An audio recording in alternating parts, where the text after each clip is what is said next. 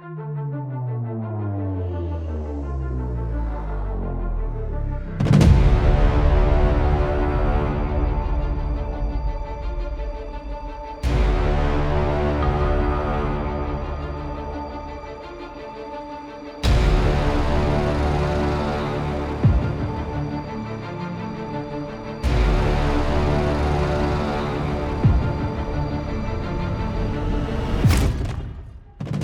Cześć, witam na moim kanale. Ja mam na imię Piotrek i zapraszam Cię serdecznie do odsłuchania jednego z odcinków mojej audycji pod tytułem Stenogramy zbrodni.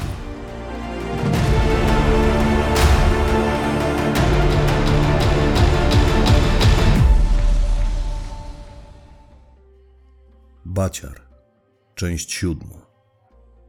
Fragment stenogramu zeznań Arkadiusza C. Ja może za pań przyzwoleniem kilka rzeczy pominę, jak też umyślnie oszczędzę paniom wielu szczegółów, bo tu nie ma się co w nie wdawać. Już mniej więcej po tygodniu solidarnie doszliśmy do wniosku, że nasze pierwotne plany, brutalnie mówiąc, poszły się jebać i nadeszła najwyższa pora, by zacząć coś kombinować.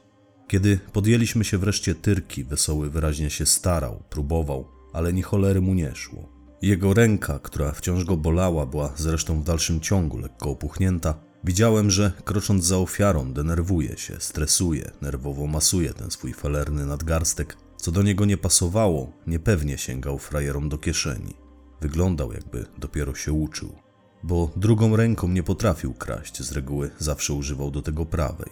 I wciąż zachowywał się jak nie on. Zły chodził, bywał jakiś taki dziwnie zamyślony, rozstrojony, momentami wydawał się być zupełnie odklejony.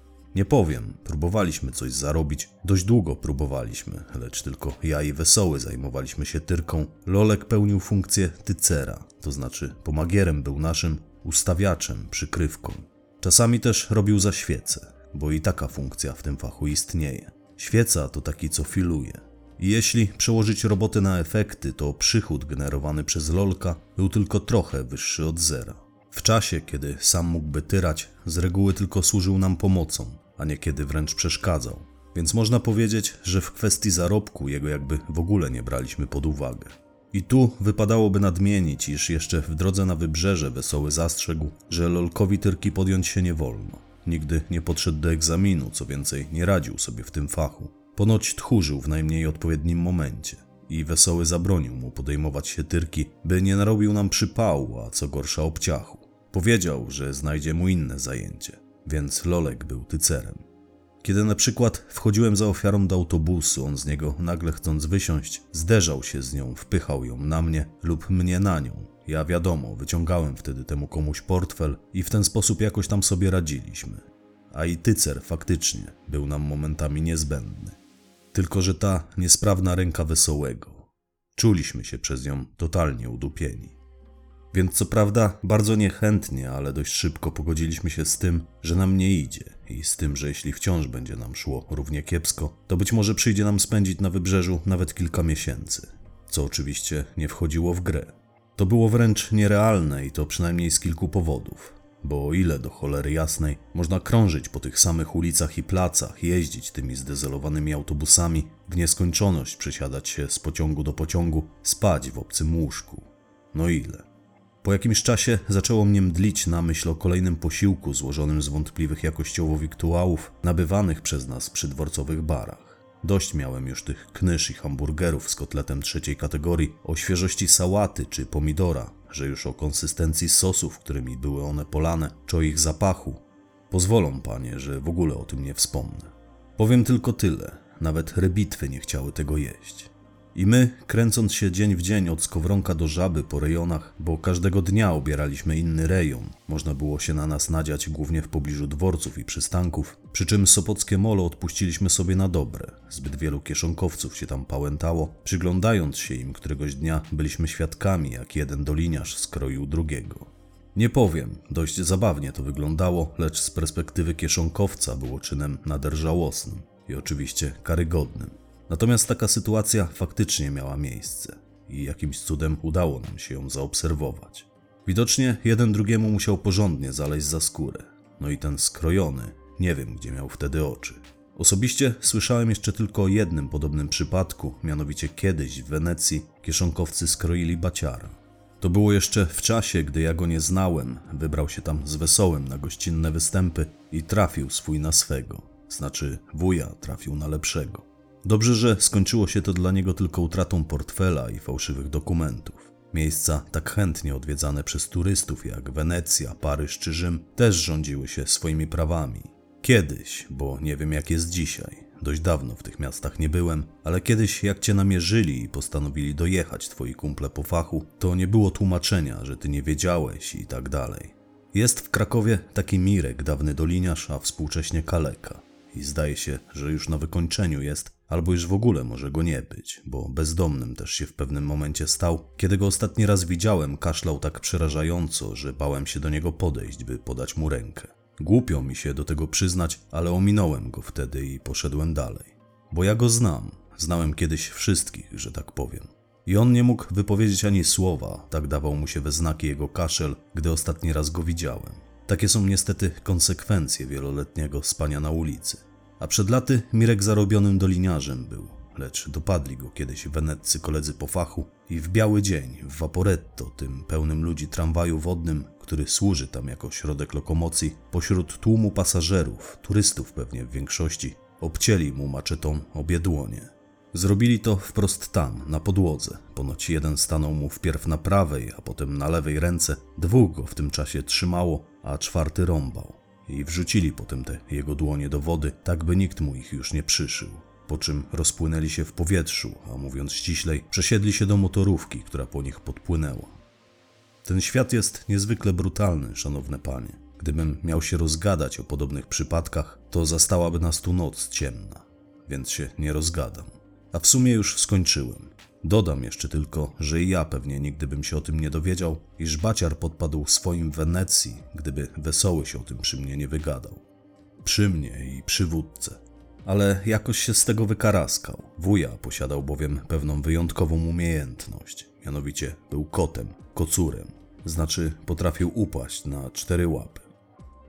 I ja, spędzając kolejny słoneczny dzień w okolicy zaszczanych dworców, poruszaliśmy się wówczas głównie koleją między Sopotem a Gdańskiem, choć zdarzyło się też, że znaleźliśmy się na chwilę w Gdyni, zacząłem marzyć o dobrym obiedzie, o schabowym, który wyszedłby spod ręki baciara czy wesołego. To nie tylko byli moi przyjaciele, chłopy na schwał, osobnicy, z którymi można było konie kraść, a przy tym oczywiście złodzieje i pospolici bandyci, ale też kucharze byli z nich wyborni. Tak, oni byli bardzo ogarnięci życiowo. Być może dlatego kobiety takich uwielbiały. Jak baciar zrobił racuchy z bananami, drogie panie, to nie było chuja we wsi. Znaczy się, nie było lepszych. Panie wybaczą, ale znowu załącza mi się uliczna nawijka. Obiecuję, że postaram się pilnować i używać słów bardziej subtelnych. Wasze delikatne małżowiny pewnie kiepsko znoszą ten mój knajacki język. Ale ja przez przeważający okres swojego życia rozmawiałem tylko w ten sposób. No i teraz tak rozmawiam, w celi. Co prawda siedzę aktualnie ze sztywnymi, nie z grypsującymi, ale oni też ciągle nie zarzucać, nie zarzucać, na ostro się kręci, bo wiecznie tylko na sraczu przesiadują. Ale nie dziwota, mnie też lubi pogonić po tej paszy. No a jak to inaczej nazwać? Myślę, że nie tknęłyby panie tego żarcia. I wszyscy wokół klną tam jak szewcy, że o klawiszach nawet nie wspomnę. Ci są chyba jeszcze bardziej wulgarni od aresztantów. A już z pewnością są bardziej wredni i chamscy.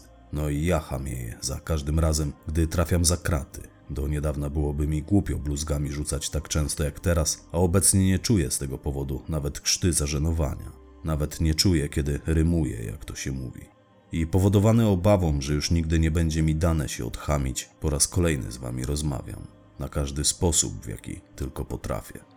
Uwierzcie mi, panie, że sporo muszę się hamować, gdybym rozmawiał z kimś na wolności, ta rozmowa wybrzmiewałaby zupełnie inaczej, a najpewniej w ogóle by nie wybrzmiewała. Tam przecież nie musiałbym się przed nikim pucować, znaczy tłumaczyć. To jak będzie? Albo ja będę się męczył, albo wy przymkniecie oczy na moje słownictwo. Przymykacie oczy.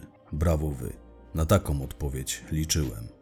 Więc wesoły, ze względu na tę jego rękę, przez większość czasu tylko nas wtedy obserwował, mnie i Lolka. I kiwał z niezadowoleniem głową, gdy coś sknociliśmy, a potem dawał nam złote rady. A tak to niewiele się angażował, ciągle nad czymś rozmyślał, chodził podkurwiony. No i balbinkę czochrał po głowie. To szło mu najlepiej. Zły na niego byłem. Ciągle chodziłem wkurzony i głodny. Lecz nie miałem zbyt wiele do powiedzenia, bo i forsa przecież nie zrobi się sama. Aczkolwiek odniosłem wtedy wrażenie, że to ja odwalam większość roboty. No i nauczyłem się sporo. Wesoły dużo mnie nauczył, a głównie po to przecież tam pojechałem. Mimo wszystkich naszych niepowodzeń trafiło nam się też kilka pięknych akcji. Była sytuacja, gdy Wesoły elegancko zrobił typa na misia. Po prostu jakiś dziany Niemiec napatoczył nam się, gdy podążaliśmy już na kwaterę. On wytoczył się za drzwi pobliskiej restauracji. W pewnym momencie wpadł na mnie. Ja go odepchnąłem, warknąłem. Co ty kurwa, ślepy jesteś? Facet pokajał się i chwiejnym krokiem poszedł w swoją stronę. A Wesoły mówi, co ty robisz? Odpuszczasz taką okazję? I poszedł za nim, wołając, mister, mister. Tamten zatrzymał się wielce zaskoczony, obrócił się ku niemu. Wesoły podszedł do niego, uścisnął facetowi grabę, poklepał go po plecach i potem przez chwilę szedł z nim ramię w ramię, udając, że już się kiedyś spotkali, że się znają i że pała do tego osobnika jakąś tam sympatią. Frajer w końcu zaczął coś kleić, ostatecznie opędził się od wesołego, ale nie miał już wtedy portfela. I to był piękny strzał. On miał tak nabity banknotami ten portfel, że on mu się nie składał. Dosłownie. Więc upchnął go w kieszeni byle jak. Wesoły twierdził potem, że wręcz mu on z niej wystawał. To był klasyczny, skórzany, składany na pół portfel, tylko wówczas nie chciał się złożyć, tyle było w nim pieniędzy. No całe mnóstwo. I to samych dużych nominałów. A on tak wyszedł na miasto, znaczy wytoczył się potem z restauracji, widocznie by spotkać swoje przeznaczenie. Więc je spotkał. Podpitych frajerów bardzo często robiliśmy właśnie na misia. Cześć stary, co u ciebie słychać? A przepraszam, pomyłka, wziąłem pana za kogoś innego. Potem tylko należy oddalić się jak najszybciej, rozpłynąć się w powietrzu. A to też trzeba umieć, to wcale nie jest takie proste. Pobiec ci nie wolno, od razu zwrócisz na siebie uwagę. Możesz pełzać, ale nie biegaj, no chyba, że masz glinę na karku. Tak mi powtarzał baciar podczas szkolenia. A więc i pełzać potem mi się zdarzało. No i biegać, palić wroty, uciekać, spierdalać. Ja nigdy nie próżnowałem. Oprócz typowo doliniarskiej roboty, czyli krojenia ludzi wprost na ulicy i w środkach komunikacji miejskiej, okradaliśmy ich wtedy też na przystankach i w budynkach dworców. Tam najlepiej wychodziło nam ze śpiącymi. Zmęczeni podróżą ludzie przysypiają na swoich walizkach i obok nich, a śpiący człowiek wiadomo, to łakomy kąsek, bo nie stanowi żadnej przeszkody. Żadnej. Można sobie takiego nawet przesunąć na bok, by wziąć jego walizkę. Ludzie potrafią spać naprawdę mocno. I któregoś razu trafiło nam się też przepiękne futro z norek. I sporo warte. Siedzieliśmy w jakiejś restauracji. Na moją prośbę poszliśmy w końcu zjeść coś porządnego. Przy stoliku obok usiadła wytworna pani. Zdjęła z siebie piękne futro. Proszę sobie wyobrazić chodzić w futrze początkiem lata, ale taki miała widocznie kaprys. Zresztą jej zachowanie wskazywało na to, że jest wyjątkowo kapryśna. Doszedłem do takich wniosków, przyglądając się jak ruga kelnera, gdy ten zwrócił jej uwagę, że odzież wierzchnią należy pozostawiać w szatni. I w końcu, już bardzo zdegustowana, przekazała to piękne futro temu kelnerowi. W sumie rzuciła mu nim w twarz, po czym upadło ono na podłogę. Ale on, niezrażony, podniósł je, odniósł do szatni i wrócił do niej z numerkiem. Widziałem, jak na widok niesionego na tacy metalowego breloczka wesoły szyderczo się uśmiechnął, przyspieszył z jedzeniem, a gdy minutę później skończył, poszedł pokręcić się wokół tej kobiety, zagadał ją o coś, a nawet o to futro, potwierdzić postanowił jebany, czy to prawdziwe norki. A ona do niego, no wie pan co, uwłacza mi pan takim pytaniem. Więc on, prosząc ją o wybaczenie, ukłoniwszy się w pas, niepostrzeżenie podjął ten brelok z leżącej na stole tacy, a następnie udał się z nim do szatni. Szatniarz oczywiście nie miał nic przeciwko, by mu wydać cudzą własność. Szanujący się mężczyźni często odbierają garderobę swoich pań i nie było w tym nic nadzwyczajnego. Pamiętam, że sporo te norki były warte. Naprawdę sporo. No i piękne były. Tym bardziej szlak mnie trafił, gdy weszliśmy z Lolkiem do naszego pokoju na kwaterze. Ja chciałem to futerko obejrzeć, bo Wesoły opuścił restaurację przed nami. Chciał się oddalić, zanim ta kobieta wszczęłaby kolejną awanturę. Takie futra spotykało się na ulicy bardzo rzadko. Takie norki nie chodzą po ulicy, zwykle jeżdżą samochodami. Mało kogo było wówczas stać, by się tak ubierać. A jak już kogoś było, to z reguły wolał nie ryzykować i ubierał się byle jak. Pamiętam czasy, kiedy to niejedna kobieta straciła takie futro wprost na ulicy. Między innymi Lolek wraz ze swoimi kumplami specjalizowali się w podobnych akcjach. Więc wchodzę do pokoju, patrzę, futro leży na siedzisku fotela, a na nim balbinka. Czy ktokolwiek byłby w stanie wyobrazić sobie moje zaskoczenie? Bo jak się okazało, Wesoły zrobił z tych norek posłanie sierściuchowi. Lolek to myślałem, że wyzionie ducha, jak to zobaczył. Dostał ataku astmy na ten widok, bo on chorował na astmę. A Wesoły siedzi sobie w fotelu, pije piwo i tylko mruczy coś pod nosem. No i co miałem zrobić? Patrząc mu w oczy, popukałem się w głowę, spytałem: Całkiem cię już nawiedziło? Po czym pogoniłem balbinkę i zabrałem spod niej te norki. Na szczęście dało się je potem odratować, a i sprzedać ze sporym zyskiem, jak już wspominałem. Pogoniliśmy to futro synowej kobiety, która wynajęła nam kwaterę. Zrobiliśmy to w ostatnim dniu naszego pobytu w Sopocie, bo po pierwsze nie chciało nam się z tymi norkami jeździć, a po drugie, gdybyśmy sprzedali jej to futro wcześniej, mogłaby założyć je na siebie i zaliczyć przypał na mieście. I pewnie tak było, jeśli się w nim gdziekolwiek potem pokazała. Ale my jej powiedzieliśmy wprost: niech się pani nie pokazuje w tym futrze w Sopocie. A ona: Dobrze, a w Gdańsku mogę? Czyli wiedziała, że jest Jumane, bez dwóch zdań. Czego to kobiety nie są w stanie zrobić, by ładnie wyglądać. Nie powstrzymuje ich nawet widmo tego, iż mogą usłyszeć zarzuty paserstwa. Dla niektórych kobiet to wręcz żaden problem. A wiem o tym, bo sporo miałem w życiu do czynienia z kobietami. Zdarzyło mi się sprzedawać im ciepłe wciąż łańcuszki, pierścionki, telefony, a one je kupowały i nic sobie z tego nie robiły. Nie pytały, czemu trafia im się taka okazja. Ludzie wolą nie wiedzieć, skąd pochodzi kupowany przez nich okazyjnie towar, a przecież nikt nie jest frajer, by za pół darmo oddać komuś własną rzecz. Dla doliniarza nie ma czegoś takiego jak okazja, a jeśli już mu się jakaś trafia, to po raz kolejny uczyni z niego złodzieja. Naszą wspólną czarę goryczy po części przelał na pewno motyw związany stricte ze mną. To była sobota, wczesne popołudnie. Tyraliśmy jak co dzień i w ferworze walki zgoliłem młodego Anglika. Akurat kręciliśmy się w pobliżu Monciaka, tam ich spacerowała cała grupa. Oni byli dość mocno podpici, rozdarci, zaczepiali kogo popadło, w szczególności kobiety. Ja upatrzyłem sobie jednego i potem umyślnie dałem mu się potrącić, temu, który wydzierał się najgłośniej. Ogołacając mu kieszenie, chciałem dać mu nauczkę. Po prostu mordę chciałem, żeby zamknął. Nikt, kto został skrojony, nie śpiewa przecież potem radosnych piosenek. I prawie mi się to udało, tyle że jego kolega zorientował się, iż pcham temu frajerowi rękę po portfel, odepchnął mnie, wpadłem na kolejnego, potem w pięciu czy sześciu zaczęli mnie szarpać, zadawać mi ciosy, powalili mnie na ziemię, klasycznie mnie przekopali.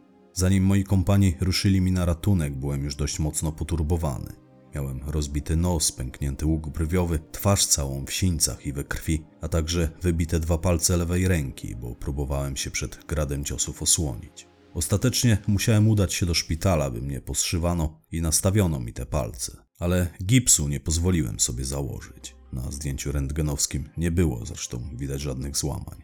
No więc i tak się zdarza. Wpierdol mniej czy bardziej ostry to nie są tematy doliniarzowi jakoś specjalnie obce. I mnie się kilka razy zdarzyło wrócić na kwadrat z obitym ryjem. Lecz to był chyba właśnie ten moment, gdy po raz kolejny powiedziałem, że mam dość tego durnego Sopotu tylko tym razem głośno i dosadnie. A nie, panie wybaczą, to nie był decydujący moment. Aczkolwiek ten miał miejsce jeszcze tego samego wieczoru. Więc spędzaliśmy jeszcze ten sam wieczór na kwaterze. Wesoły popijał drinka w fotelu. Akurat on po raz pierwszy zdjął bandaż z ręki, a za to ja zabandażowany lizałem rany. Lolek z kolei siedział na swoim tapczanie, policzywszy zdobyty do tamtej pory szmal, oznajmił mało tego, w cholerę mało. Musimy w końcu coś podziałać jak należy. A wesoły, siedząc w fotelu, zajadał jakąś kanapkę, stwierdził: Już od jakiegoś czasu myślę nad tym, żeby dać sobie spokój z tyrką i zrobić jakieś dwa lub trzy szybkie strzały, jak za dawnych dobrych czasów. I Lolek, jak się nie zerwie z tapczanu, podleciał do niego, zaczął go obściskiwać, obrzucać forsą, tańczyć jak pojebany, całować go prawie, aż Balbinkę wystraszył. Potem syczała na niego już zawsze. A on, odepchnięty przez wesołego, ze łzami w oczach rzekł: Nareszcie wrócił mój stary przyjaciel, tak dawno cię nie było. I przytula się do niego i szlocha. Wciąż był widocznie w kiepskim stanie. Poza tym on zawsze w dość dziwny sposób okazywał radość. Jak się tylko czymś podekscytował, to robił się rumiany na twarzy, szukał zaraz papierosa, bo musiał sobie zapalić, mimo że na co dzień nie palił, albo zalać się w trupa musiał. I tamtej nocy właśnie tak postanowił zrobić. Poleciał po butelkę wódki, w sumie niedaleko, bo właścicielka kwatery nią handlowała, dała mu ją nawet na zeszyt. I on wypił ją potem na dwa razy. No góra trzy. Na szczęście on pijany nie stanowił dla nikogo zagrożenia. Potulnie potrafił położyć się spać, spał grzecznie, potem tylko skomlał, że głowa go boli. Czyli standard.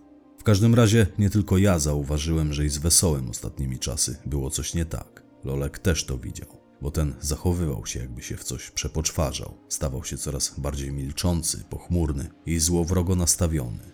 Niestety do mnie też. Kilka razy, pamiętam, na mnie fuknął.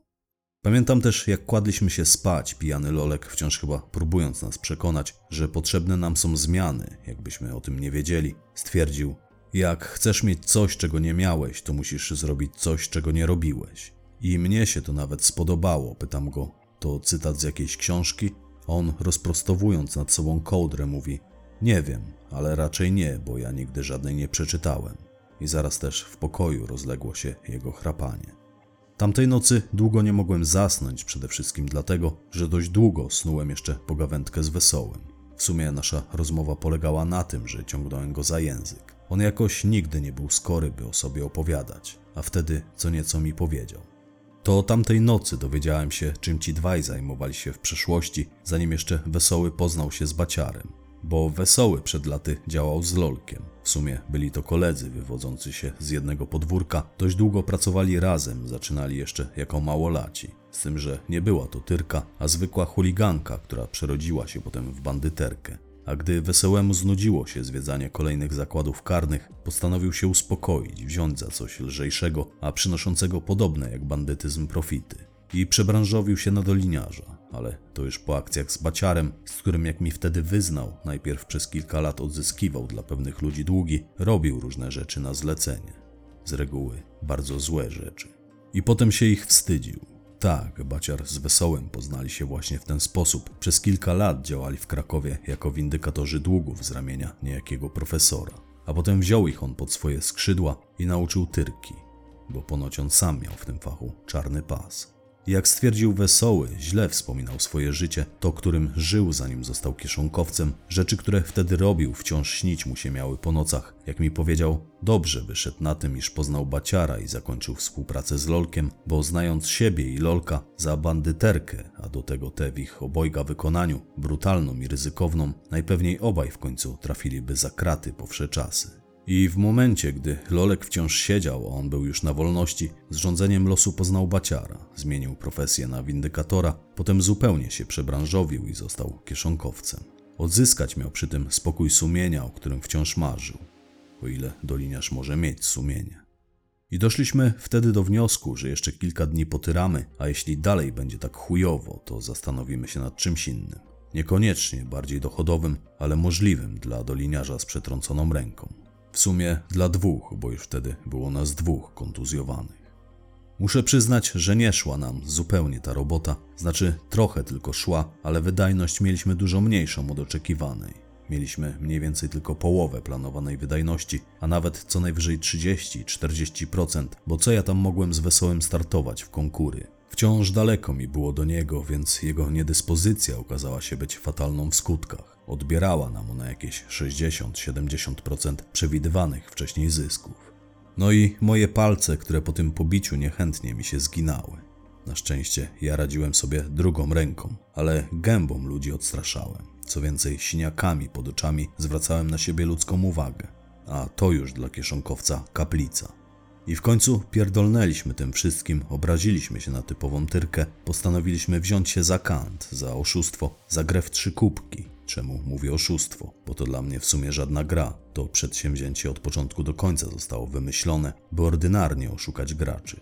A że było to coś, w czym dobrze czuł się Lolek, a co i wesołemu nie było obce, to czemu nie? Ja byłem otwarty na różne propozycje. Bo do tamtej pory ja się na tym nie znałem zupełnie. Słyszałem o tym co nieco, widywałem kanciarzy z kubkami na mieście, ale nie interesowałem się tym zbytnio. Wiedziałem tylko tyle, że trzeba odgadnąć, pod którym kubkiem ukryty jest fant. Najczęściej piłeczka. Wydawało mi się, że na dłuższą metę to nie ma sensu i pieniędzy z tego dużych też nie ma. O ile nie pomyliłem się co do pierwszego ze swoich wniosków, to szybko okazało się, że co do drugiego myliłem się sromotnie. Z tego były pieniądze i to duże. Szczęśliwie Lolek był typem ulicznego cwaniaka, miał dryg do tego i gadane miał, choć jak dla mnie w większości plutł trzy po ale jak się szybko okazało, akurat w tej dyscyplinie to nie miało znaczenia co mówisz, a najważniejsze było co robisz. Miałeś tak mieszać tymi kubkami, by zaczarować widzów, a Lolkowi udawało się to nadzwyczaj dobrze. I muszę przyznać, że całkiem nieźle nam to szło, tym bardziej, że sporo pozwalaliśmy ludziom wygrywać. Natomiast co z tego, skoro my dawaliśmy komuś wygrać, a potem, gdy ten ktoś oddalił się z naszymi pieniędzmi, przed upływem 10 minut był już zupełnie goły. Moim zadaniem, oprócz tego, że miałem filować, czy nie zbliża się patrol policji, było pójść za takim wygrańcem i odebrać mu co nasze. Pamiętam, że jak robiliśmy ludzi w te trzy kubki, to forsa za każdym razem była z tego nawet więcej niż ciekawa, bo nie dość, że Lolek ogrywał człowieka na sporą kwotę, ja nigdy wcześniej bym nie przypuszczał, że w społeczeństwie stylu frajerów, że tyle osób daje się na coś takiego nabrać. A ja kroiłem też tych, którzy się temu przyglądali. Ja i Wesoły. Kroiliśmy gapiom torby i plecaki. No i przede wszystkim tych łoiliśmy, którym zdawało się, że doniosą swoją wygraną do domu. Nikt nie doniósł ani grosza. Nikt. Nie ma. Ta forsa była nasza i potrzebna nam była jak nigdy wcześniej. Zebranej puli nie wolno nam było uszczuplić chociażby o złotówkę. Taki mieliśmy układ. Początkowo, bo potem się to zmieniło.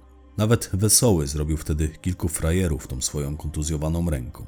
A w sumie byle kto by ich zrobił. Stali tam ci ludzie wpatrzeni w te kubki, starając się wyśledzić los ukrytej pod którymś z nich żółtej piłeczki, wyobrażali sobie nie wiadomo co, bo tak działa hazard. Człowiek zawsze w myślach trwoni już wygraną. Więc oni, omotani wizją wysokiej czyjejś wygranej, skupiali się na błyskawicznie poruszających się dłoniach lolka. Mówię czyjejś wygranej, bo oczywiście większość gapiów nie zamierzała grać. Na szczęście spora część społeczeństwa zdaje sobie sprawę z tego, jakim ryzykiem podobne zabawy są obarczone i rozsądniacy zwykle takiej rozrywki unikają. Mówię na szczęście, ale dla społeczeństwa, nie dla nas. Bo tak jak wspomniałem, część ludzi, którzy nas mijali, Unikała nas jak ognia, inni tylko patrzyli, a wyłącznie garstka zdecydowała się grać. To ludzka ciekawość, jak to ma w zwyczaju, brała u nich górę, a jeszcze u innych chęć zdobycia szybkich pieniędzy, czasami wygranej stanowiącej ich kilkumiesięczną pensję. I ci ludzie tak stali, dopingowali frajera, który nawet jeśli coś wygrał, to i tak potem wszystko miał stracić, a ja z wesołym kroiliśmy im w tym czasie plecaki, torby i torebki, tym gapią. Kroiliśmy ich, pamiętam, aż zupełnie mi się skalpel stępił i musiałem kupić w aptece nowy. W razie przypału drewnianą skrzynkę służącą nam za stół do gry braliśmy na plecy, kubki chowaliśmy do kieszeni, piłeczkę Lolek wkładał do ust, w razie czego miał ją połknąć, bo wiadomo, bez dowodów rzeczowych trudniej komuś udowodnić winę i wialiśmy do najbliższej knajpy na piwo. Pół godziny kitrania się, patrol sobie poszedł, temat się rozmywał i wracaliśmy w to samo miejsce, lub też rozstawialiśmy się trzy metry dalej. A tam wciąż te same mordy czekały, żeby je zgolić. I tak potem było przez jakieś pięć czy sześć dni, aż ostatecznie też przypał podłapaliśmy z tymi kubkami i musieliśmy się z nimi pożegnać. Szkoda, bo fajne to były pieniądze, o wiele lepsze niż styrki, a z pewnością szybsze. Po prostu pewnego wieczoru, gdy siedzieliśmy już u siebie na kwaterze i zajadaliśmy przygotowaną przez gospodynię kolację, do pomieszczenia na parterze jej domu, które służyło gościom za jadalnię, wdarło się kilku mężczyzn, uzbrojonych w metalowe rury i kastety. Nic nam nie zrobili, bo Wesoły zaraz wstał od stołu, wyprostował się i tuż po tym, jak pierwszy cios rurą roztrzaskał ten stół, przy którym jedliśmy w drobny mak, ale ten gość miał parę w łapach, powiadam paniom. Jakby trafił któregoś z nas, to by go położył trupem na miejscu. Więc wesoło jak tylko ten stół przestał istnieć, a wraz z nim nasza kolacja, wyprostował się, nie wykazując najmniejszej oznaki strachu, wolno i spokojnie powiedział kim jest i kogo zna, ale ci ludzie mieli to gdzieś. Ostatecznie kazali nam albo się opłacić, albo wypierdalać. I dali nam na decyzję jeden dzień biorąc pod uwagę fakt, że na wybrzeżu ekipy mocno bronią swoich interesów i nie bywają skore do żartów, a także to, iż na mieście od dawna wyrażano do nas pretensje. Inni oszuści odgrażali się nam praktycznie od początku naszej działalności w Sopocie. Zdołaliśmy już kilkorgu z nich głęboko zaleć za skórę, jednego nawet pobić, bo skakał i skakał, a nie było na niego innej metody. Więc dostał za swoje. I po tej akcji ze znikającym stołem poczuliśmy się zobligowani, by podjąć wreszcie jakąś męską decyzję. Albo opłacamy się i działamy dalej, co średnio opłaciłoby się nam, albo kończymy z tymi wszystkimi wygłupami i bierzemy się za poważniejsze tematy.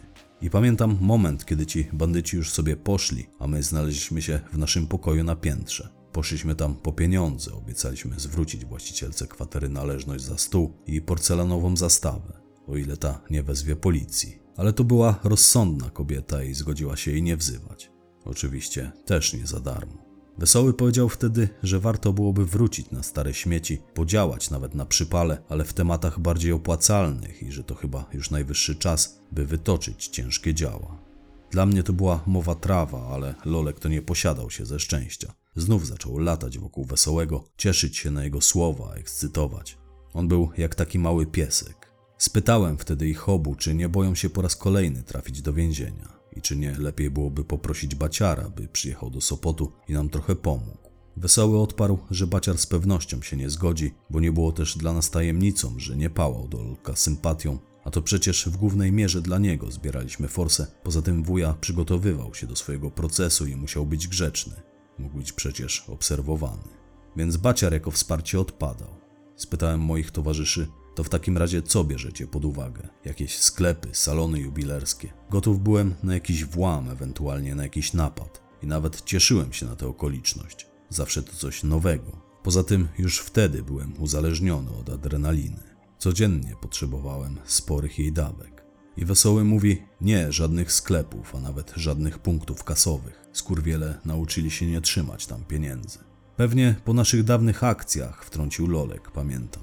Więc pytam moich towarzyszy, co właściwie moglibyśmy robić. I Wesoły kazał nam się wtedy ubrać. Sam też się ubrał. Mimo późnej już pory poszliśmy na miasto. Usiedliśmy za stolikiem w jednej z czynnych wciąż knajp w centrum. To była taka kawiarnia z dancingiem. Dość szemrane miejsce. Wesoły, dopiero tam nawiązując do mojego pytania, powiedział W więzieniu nauczyłem się trzech zasad. I spytał, czy wiem jak one brzmią. Odparłem, że nie, więc dodał, że mówią one nie wiesz, nie bój się i nie proś, i że od dawna z powodzeniem stosuje je również w życiu codziennym.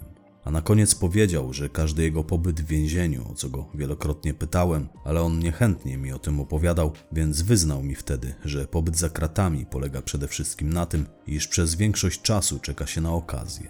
Okazję do napełnienia żołądka, okazję do odwiedzin, do odegrania się na jakimś skurwysynu. Dokładnie tak powiedział że to zasady podobne do tych, którymi człowiek kieruje się w normalnym życiu i że jak mówi stare powiedzenie, to okazja czyni złodzieja, nie inaczej. Więc spytałem go, to co zamierzamy teraz robić? A on odparł, że będziemy tam siedzieć przy stoliku i czekać, aż los sam się do nas uśmiechnie. Naprawdę tak powiedział. Ja przyznam się, zgłupiałem, wydawało mi się, że żartuje, ale spojrzałem na niego, spojrzałem na zegarek i zerknąłem na lolka. To przede wszystkim nie była dobra godzina do żartów. Więc dotarło do mnie, że on tak na poważnie, natomiast wciąż niewiele z tego rozumiałem. Ale co mogłem zrobić? Usiadłem jak i oni, zamówiłem sobie sok pomarańczowy i wraz z nimi czekałem na tę okazję, co to miała nadejść, a co mnie osobiście wydawało się niezwykle głupie. I powiedziałem to wesołemu, że to głupie, a on odparł: Ty życia jeszcze nie znasz, chłopak. Siedź i czekaj. I o dziwo, już po kwadransie przykolegował się do nas jakiś mocno podpity typ i widocznie wciąż niedopity, bo najpierw prosił, by dorzucić mu się do piwa. Ja mu coś tam się dorzuciłem, żeby się tylko od nas odczepił, a potem on bez pytania o zgodę przysiadł się do naszego stolika. Już zamierzałem go pogonić, chciałem burknąć wypierdalaj, ale Wesoły pokazał mi gestem ręki, bym odpuścił, bym dał sobie spokój, po czym stwierdził, że zamierza tego osobnika wysłuchać, bo ten nosił się jakby z zamiarem wygadania się na jakiś temat. Ja nie lubię takich sytuacji, bo wiedzą panie, jak to jest z pijakami, a i z takimi z pewnością wielokrotnie miałyście tu do czynienia. Oni całe swoje życie gotowi są opowiedzieć komuś, kto tylko ma uszy i otwarte oczy, lub kto postawi im piwo. Jak się rozgadają, to nie widać końca. I to właśnie tamta sytuacja pozwoliła mi zrozumieć, na czym polega łowienie okazji, o którym wspomniał Wesoły, mówiąc, że życie pełne jest okazji. Okazało się bowiem, że tam w tej knajpie dosiadł się do nas bardzo gadatliwy mężczyzna. I wcale nie taki lump, jak mi się początkowo wydawało, aczkolwiek jego wygląd wyraźnie wskazywał na to, iż zupełnie o siebie nie dba. Po krótkiej rozmowie doszedłem do wniosku, że mamy do czynienia z człowiekiem, który dba tylko o to, by mieć pełno w szkle. W ciągu dwóch kwadransów naszej znajomości ten facet zdążył nam się pochwalić m.in. tym, gdzie pracuje, a pracował o dziwo jako kierowca dostawczaka przynależnego Sopockiej hurtowni. Wyznał też, że sporo zarabia, aczkolwiek sporo też przepijał, do czego również nam się przyznał, przy czym w sumie nie wiadomo czemu, bo nikt go o to nie pytał, ale powiedział nam też dla kogo pracuje i ile ten ktoś ma pieniędzy. Pieniądz przecież, podobnie jak alkohol, rządzi życiem pijaka. A przy tym ten mężczyzna wspomniał, jak bardzo tego człowieka nienawidzi, swojego szefa. I to chyba był powód, dla którego w ogóle zamierzał nam się wygadać. Chciał chyba wylać z siebie ten jad, tej nienawiści chciał się pozbyć, by mieć lepszy sen, ale mniejsza o to.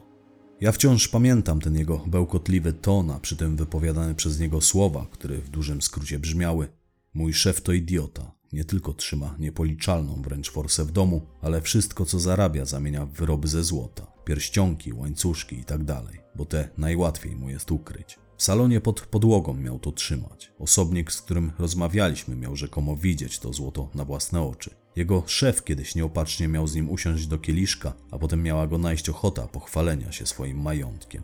I pech chciał, że trafiło to potem do naszych uszu. Więc kiedy kilka godzin później odprowadziliśmy tego faceta na przystanek, a w kieszeni wesołego była już karteczka z adresem hurtowni, w której pracował, to było tuż nad ranem, on nam się spowiadał całą noc. Wesoły zamierzał wycisnąć go wtedy jak cytrynę z wiedzy, którą posiadał na temat majątku swojego szefa i nad ranem wracaliśmy już do siebie, na kwaterę. Lolek spytał Wesołego, to kogo robimy najpierw, tego typa czy jego szefa? Myślę, że najpierw jego, odrzekł Wesoły, po czym dodał, Wkurwił mnie, bo taki z niego Zarobkiewicz, a wypalił mi pół paczki papierosów.